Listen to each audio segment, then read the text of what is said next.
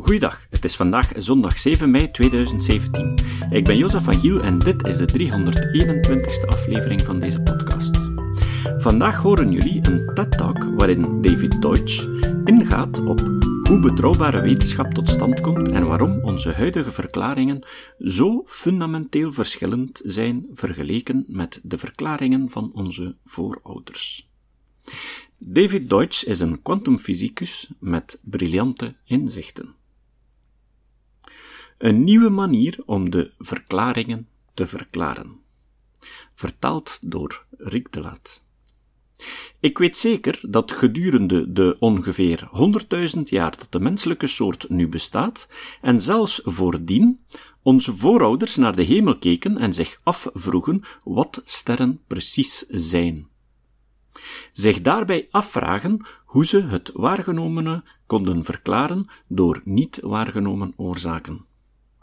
Oké, de meeste mensen stelden zich, net als vandaag, die vraag maar af en toe, als ze zich even konden vrijmaken van hun alledaagse beslommeringen.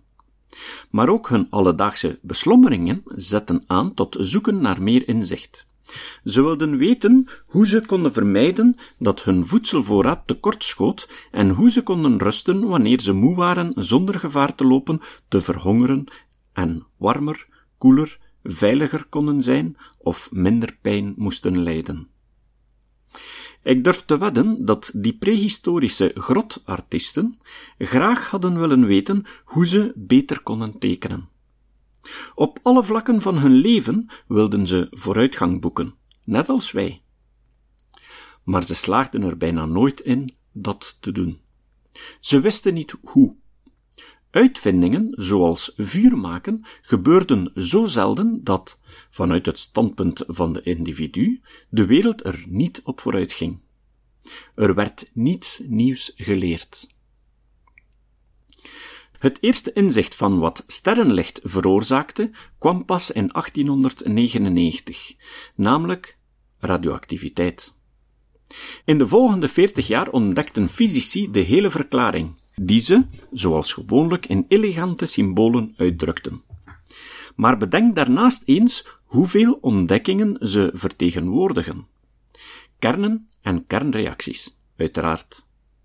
Maar ook isotopen, elektrisch geladen deeltjes, antimaterie, neutrino's, de omzetting van massa in energie, E is m mal c kwadraat, gammastralen, transmutatie. De oeroude droom, die de alchemisten nooit hebben kunnen realiseren, werd gerealiseerd met behulp van dezelfde theorieën die sterrenlicht verklaarden, als ook andere oeroude mysteries en nieuwe onverwachte fenomenen. Het feit dat dit alles ontdekt over een periode van 40 jaar, niet werd ontdekt in de vorige 100.000 jaar, kwam niet door een gebrek aan denken over de sterren en alle andere dringende problemen waarmee ze te kampen hadden. Ze kwamen zelfs tot antwoorden zoals mythen die hun leven overheersten, maar in bijna niets op waarheid berusten. De tragedie van deze voortdurende stagnatie wordt volgens mij onvoldoende erkend. Deze mensen hadden praktisch dezelfde hersenen als wij, die uiteindelijk al deze taken ontdekten. Maar die mogelijkheid om vooruitgang te boeken bleef zo goed als ongebruikt tot de gebeurtenis die voor de menselijke conditie een revolutie zou betekenen en de wereld zou veranderen. Of, dat mogen we toch hopen. Die gebeurtenis was de wetenschappelijke revolutie. Sindsdien is onze kennis van de fysische wereld en van hoe we hem aan onze wensen kunnen aanpassen onverminderd gegroeid. Wat was er nu veranderd? Wat deed de mens nu voor het eerst dat het verschil maakte tussen stilstand en snelle, eindeloze vooruitgang? Dat onderscheid kunnen maken is zeker de belangrijkste universele waarheid die we kunnen kennen. Maar daarover is men het spijtig genoeg niet eens. Dan zal ik het jullie maar vertellen. Maar eerst moet ik even teruggaan in de tijd. Voor de wetenschappelijke revolutie geloofde men dat alles wat belangrijk was om te weten al gekend was, vastgelegd in oude schriften, instituten en in enkele echt nuttige vuistregels, die echter samen met vele onwaarheden verankerd waren in dogma's. Men dacht dat de autoriteiten, die eigenlijk heel weinig wisten, alle kennis bezaten. Vooruitgang kan er slechts zijn als je het gezag van die wijze mannen leert verwerpen. Priesters, tradities en heersers. Daarom moest de wetenschappelijke revolutie een bredere context hebben. De verlichting. Een radicale wijziging in de manier waarop de mens kennis zocht door niet op autoriteit te vertrouwen. Geloof niemand op zijn woord. Maar dat alleen maakte het verschil niet. Gezag werd vele malen verworpen en dat leidde zelden of nooit tot iets als wetenschappelijke revolutie. In der tijd dachten ze dat dat wat wetenschap onderscheidde, een radicaal idee over de achterliggende oorzaken was. Empirisme genaamd. Alle kennis komt van de zintuigen. We weten nu dat dat niet klopt. Het hielp bij het aanzetten tot waarneming en experimenten. Maar van in het begin was het duidelijk dat daar iets vreselijks mis mee was. Kennis komt van de zintuigen. In welke taal? Zeker niet in die van de wiskunde, waarin, zoals Galileo terecht zegt, het boek van de natuur is geschreven. Kijk naar de wereld. Je ziet geen vergelijkingen gebeiteld in berghellingen. Als dat zo was, dan zouden mensen dat hebben gedaan. Waarom doen we dat overigens niet? Wat mankeert ons? Wat mankeert ons? Empirisme is ontoereikend omdat wetenschappelijke theorieën nu eenmaal het zichtbare verklaren in termen van het onzichtbare. En het onzichtbare, dat zal je moeten toegeven, bereikt ons niet via de zintuigen. We zien de kernreacties in de sterren niet. We zien het ontstaan der soorten niet. We zien de ruimte-tijdkromming niet en ook geen andere universa. Maar toch weten we allerlei daarover. Hoe? Het klassieke empirische antwoord is inductie. Het ongeziene lijkt op het geziene, maar dat is niet zo. Je weet wat het cruciale bewijs was voor de kromming van de ruimtetijd. Het was een foto. Niet van de ruimtetijd, maar van een eclips, met een vlekje hier in plaats van daar. En het bewijs voor de evolutie? Wat rotsen en wat vinken. En parallele universa? Alweer, vlekjes hier en daar, dan daar op het scherm. Wat we in al deze gevallen zien, lijkt helemaal niet op de achterliggende realiteit. Ze zijn met elkaar verbonden door een lange keten van theoretisch denken en interpretatie. Aha, zeggen creationisten. Je geeft dus toe dat het allemaal interpretatie is. Niemand heeft ooit evolutie waargenomen. We zien stenen. Jullie hebben jouw interpretatie, wij de onze. Die van jullie komt van giswerk, de onze van de Bijbel. Maar wat creationisten en empiristen niet weten, is dat in die betekenis niemand ook ooit een Bijbel heeft gezien, dat ons oog slechts licht detecteert, dat wij niet waarnemen. Hersenen detecteren slechts zenuwimpulsen, en ze nemen ze niet eens waar voor wat ze echt zijn, namelijk elektrisch geknetter. We nemen dus niets waar zoals het echt is. Onze connectie met realiteit is nooit maar alleen waarneming. Het is altijd, zoals Karl Popper het zegt, met theorie beladen. Wetenschappelijke kennis komt niet uit het niets. Het is als met alle kennis. Ze is voorlopig. Giswerk. Getest door waarneming, niet ervan afgeleid. Waren dan testbare hypothesen de grote vernieuwing die de deuren van onze intellectuele gevangenis openzetten? Nee. In tegenstelling met wat vaak wordt beweerd, komt testbaarheid ook voor in mythes en allerlei andere irrationele denkwijzen. Iedere gek die volhoudt dat dinsdag de zon zal uitdoven, heeft een testbare voorspelling. Denk maar aan de oude Griekse mythe om de seizoenen te verklaren. Hades, de god van de onderwereld, ontvoert Persephone, de godin van de lente, en dwingt haar tot een huwelijkscontract, zodat ze regelmatig naar hem terug moet komen, en laat haar vrij.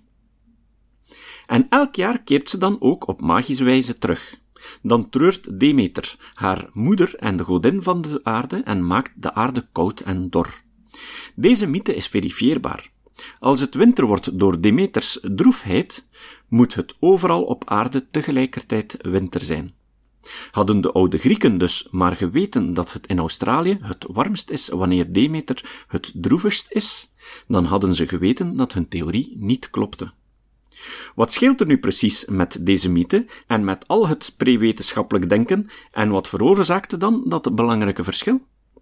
Ik denk dat we met één iets moeten rekening houden, namelijk verifieerbaarheid. De wetenschappelijke methode, de verlichting en al de rest. En dit is cruciaal. Er bestaat zoiets als een fout in een verhaal. Ik bedoel niet zomaar een logisch defect, maar een verkeerde uitleg. Wat bedoel ik daar nu mee? Wel, een uitleg is een bewering over iets onzichtbaars dat een waargenomen fenomeen verklaart. De uitleggende rol van Persephone's huwelijkscontract kan evengoed door een oneindig aantal andere ad hoc verklaringen worden vervuld. Waarom een huwelijkscontract en geen andere reden voor een regelmatig terugkerend jaarlijks gebeuren?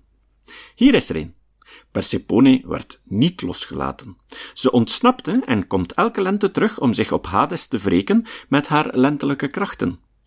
Ze koelt zijn domein af met lentelijke lucht en jaagt daarbij warmte op naar de oppervlakte om zomer te maken. Dit verklaart hetzelfde fenomeen als de oorspronkelijke mythe, en het is even verifieerbaar. Maar wat het beweert over de werkelijkheid is in vele opzichten net het omgekeerde. En dat is mogelijk omdat de bijzonderheden van de oorspronkelijke mythe niets te maken hebben met de seizoenen, tenzij via de mythe zelf. Die gemakkelijke aanpasbaarheid is een teken van een slechte verklaring. Omdat zonder een functionele reden om aan één van talloze varianten de voorkeur te geven, er eentje uitkiezen boven alle andere irrationeel is. Wat dus van belang is om vooruitgang te kunnen maken, is goede verklaringen zoeken, die niet gemakkelijk kunnen worden veranderd zonder de verklaring van de fenomenen geweld aan te doen.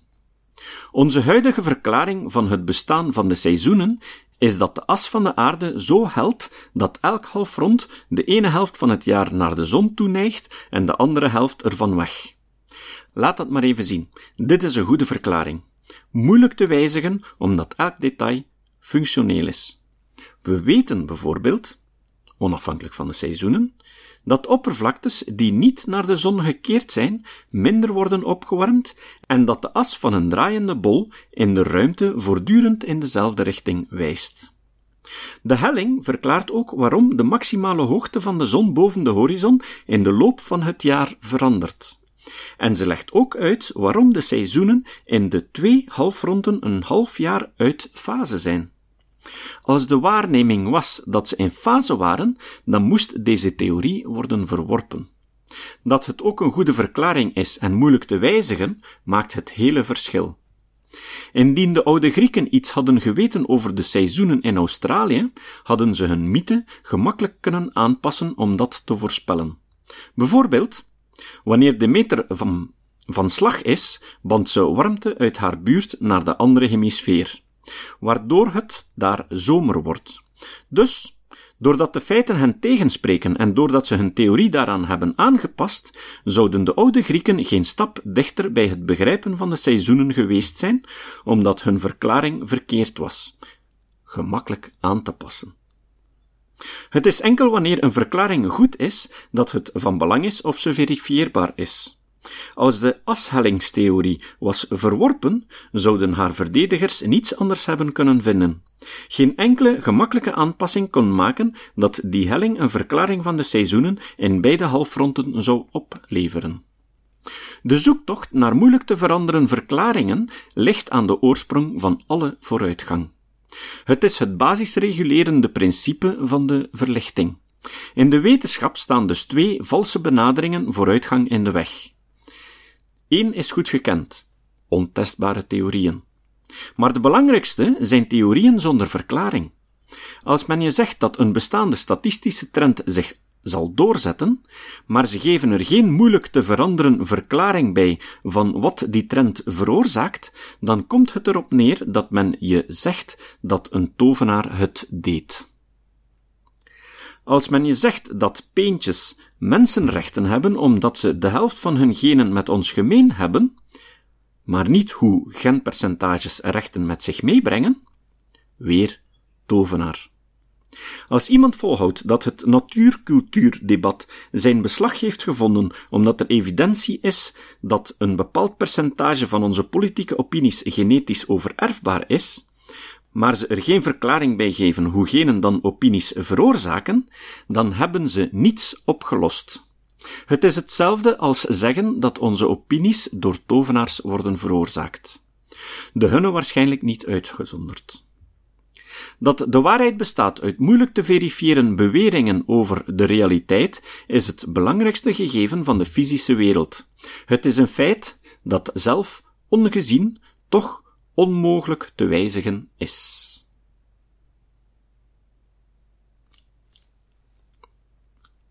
Het citaat. Het citaat van vandaag komt van Ben Goldacre. Goldacre zei: Wetenschap houdt in dat je openlijk gepubliceerde gegevens en methoden bekritiseert in plaats van door de pers opgeklopte schrikbeelden. Tot de volgende keer. Deze podcast is het resultaat van het werk van veel mensen. Rick de Laat verbetert bijna al mijn teksten en maakt de meeste vertalingen. Emiel Dingemans verzorgt onze website en Facebookpagina. Ook Leon Korteweg en Stefan Sutens schrijven, vertalen of verbeteren soms artikelen. Leon onderhoudt bovendien het YouTube-kanaal van deze podcast. De muziek van de intro en de trailer heeft Nick Lucassen geschreven en soms maken we ook gebruik van muziek van Ad van Nederpelt, die ons zijn prachtige composities ter beschikking stelt.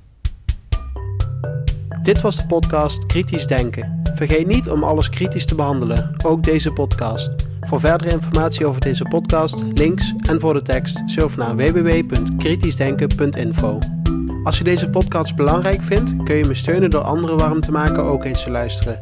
Stuur een e-mail naar vrienden met een link naar de website en plaats de link in de handtekening van je e-mails. Tevens kun je op iTunes deze podcast een beoordeling geven of een recensie schrijven. Of je kan op je eigen website of blog een link naar kritisch denken plaatsen.